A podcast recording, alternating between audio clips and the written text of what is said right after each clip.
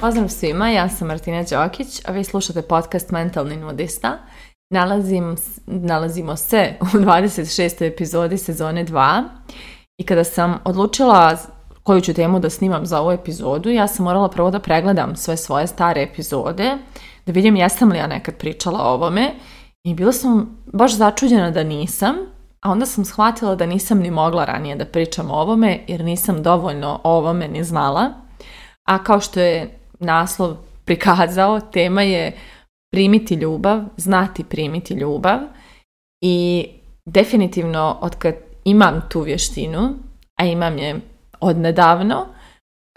mogu reći da sam toliko svjasna i toliko mi je očigledno koliko ljudi ne zna da primi ljubav i ne umije da uživa u ljubavi koja je tu oko njih, za njih, njima upućena i nismo krivi što je tako, nismo mi sami krivi ako ne znamo da primimo tu ljubav, ko što nije nisam znala,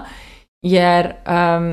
ni društvo, ni porodice, ni sistemi, ništa nam nije dalo tu perspektivu da smo takvi kakvi smo dovoljno dobri, dovoljno važni, dovoljno podržani i da je u redu što smo nesavršeni, znači ma, ništa nam to ne komunicira oko nas, ni jedan sistem, često ni porodica. I onda je logično da uvijek između sebe i te ljubavi koja nam je krenula ka nama vidimo neku prepreku u vidu toga da mi možda to ne zaslužujemo dovoljno ili mi to nečem treba da vratimo ili platimo ili nadomjestimo i tako dalje. I Naša vještina primanja ljubavi najviše dolazi iz tih prvih godina života, iz e, porodice, iz kuće, iz doma. Dolazi do toga kako su naši odrasli, naši staratelji, roditelji, babe, dede, kogod nas je odgajao, na koji način su oni nama davali ljubav i na koji način su nam komunicirali to e, kakvu ljubav zaslužujemo i, i da li je zaslužujemo i da li smo nekad, da li smo često bili uslovljeni da bismo dobili neku ljubav time da uradimo nešto pod navodnike dobro i pametno poput e, ne znam, da, dobijanja dobrih ocjena ili tako nešto, da li smo je samo tada dobijali ili smo je dobijali samo kada smo na dnu, kada smo jako bolesni pa nam je onda imaju pružiti, ali e, malo ko je imao tu priliku da se osjeća konstantno voljeno, prihvaćeno, ishvaćeno i viđeno i saslušano tak, u, tom, takav kakav jeste, u tom stanju u kojem jeste, prirodnom, svakodnevnom i da e, dobija prostor za to što jeste, za svoje strahove, za svoje nesigurnosti, za svoje nesavršenosti, a ipak zna da je voljen. Znači malo ko je to imao i ako neko od vas to jeste, mnogo mi je drago da je tako, jer to je toliko važno, znači toliko je važno da ovim svijetom šetaju voljeni ljudi koji znaju da su voljeni i koji znaju kako da osjete tu voljenost. I mi smo svi puno više upoznati sa kritikujućom ljubavlju. To je ona ljubav koja nam stalno ukazuje šta moramo bolje, gdje možemo bolje, šta ne valja, šta ovo, šta ono. I ja sam bila dio takve ljubavi u mojoj porodici. Moja majka je meni uvijek davala tu kritikujuću ljubav, jer je to bio njen način da pokuša da me usavrši u naprijedi i da iz mene izvuče te neke potencijale koje ona vidi, tako što će iskritikovati to gdje sam sada, ne bil se ja podigla na novi nivo, a na mene je to utjecalo potpuno kontraproduktivno. Znači ja sam se osjećala često iskompleksirano, ona mi je bila simbol svih mojih nesigurnosti, nisam se osjećala bezbjedno da s njom dijelim svoje, svoje neuspjehe, svoje strahove, da li nešto mogu ili ne mogu. I prosto ja sam isto u životu bila navikla na tu kritikujuću ljubav, bila sam navikla na people pleasing, da ja brinem o tuđim potrebama, da se ne bavim svojim, o tome sam već i pričala i onda negdje, kada bi neko imao da mi pruži tu neku čistu, potpunu ljubav, bez ikakvih očekivanja, ja se nisam osjećala bezbjedno s tim. Ja sam se pitala šta ta osoba hoće od mene. Šta hoće, šta želi, jer čim tako, prosto nije mi izgledalo normalno to nešto tako da je tek tako ja dobijam neku pažnju, ljubav, mora neka, ne, ne, nešto da bude tu prikriveno. Zato što nisam odrasla u okruženju u kojem je prirodno da me neko tako voli. I onda naravno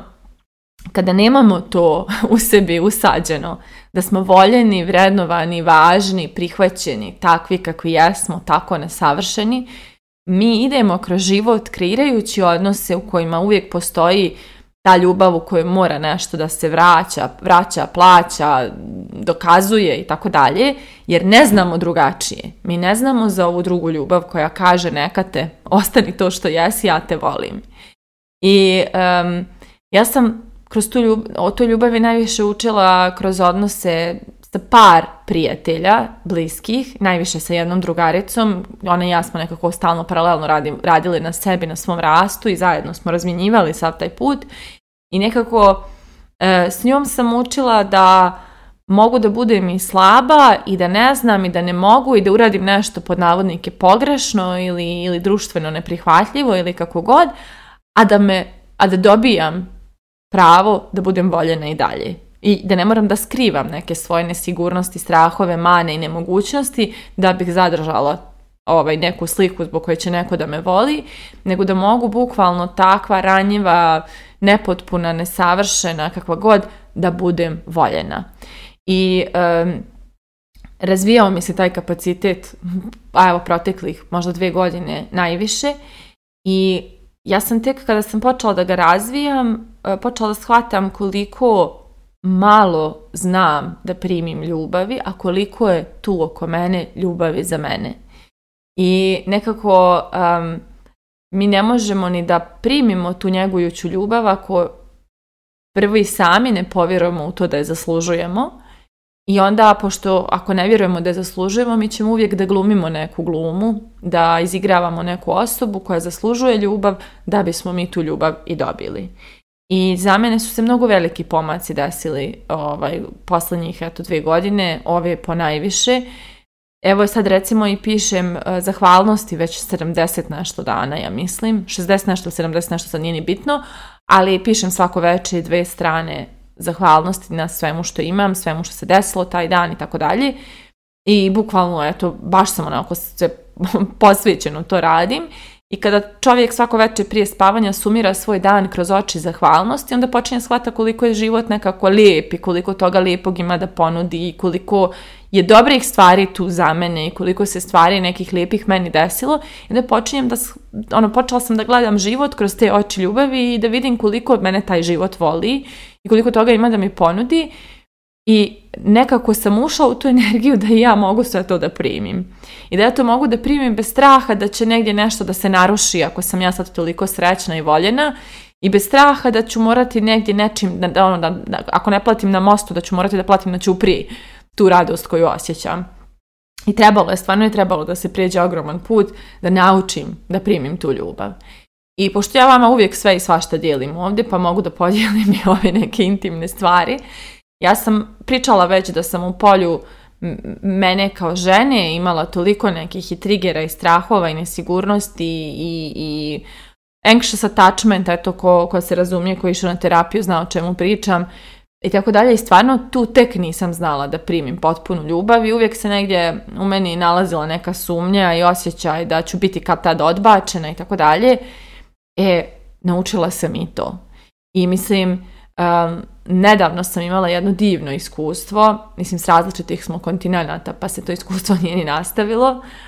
Trajalo je tačno koliko je trebalo, na načine koji je trebalo, ali ja sam prvi put, baš sam i pričala svojim prijateljicama, moj nervni sistem se nikad nije osjećao tako smireno, dok primam ljubav, pažnju, poštovanje, prisustvo, dok se osjećam viđeno, shvaćeno, važno, uvaženo, posebno i tako dalje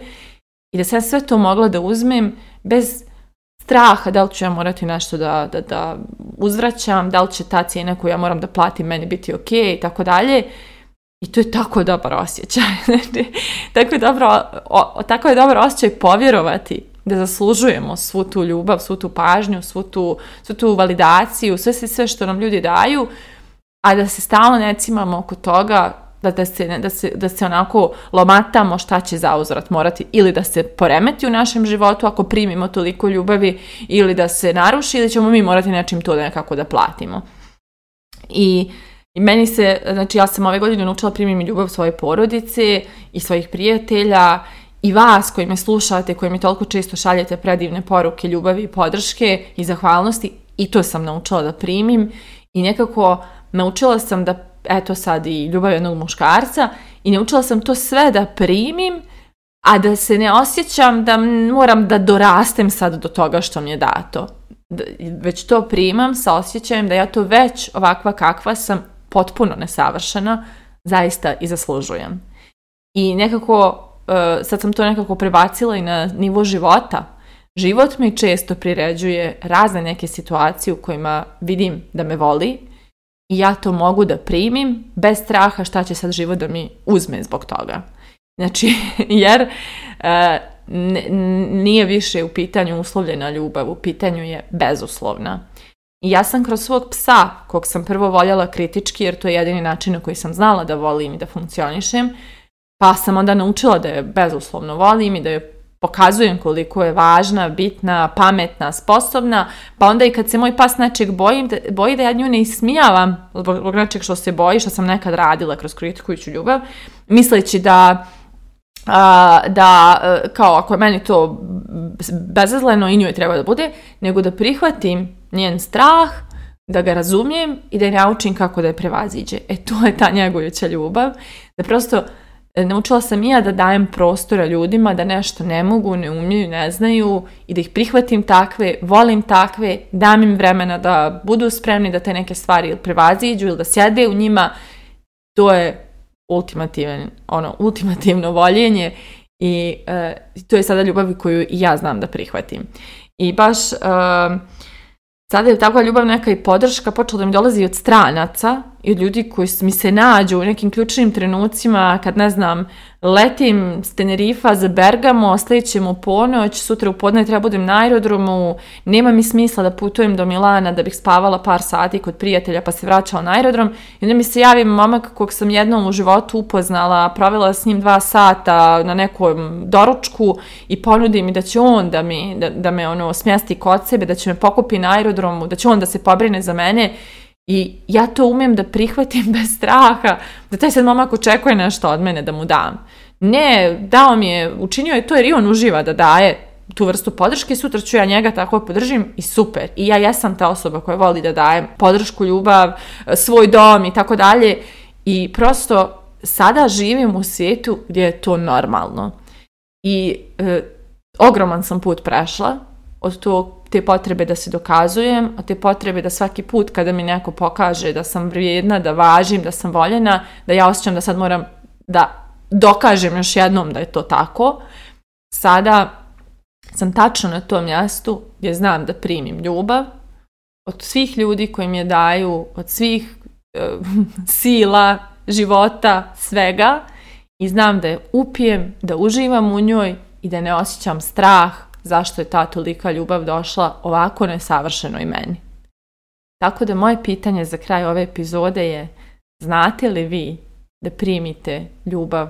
koja je tu za vas ili si dalje lomatate i mislite da morate nečim to da uzvratite i dokazujete da biste je zaslužili. Mislite o tome, a mi se družimo u narednoj epizodi.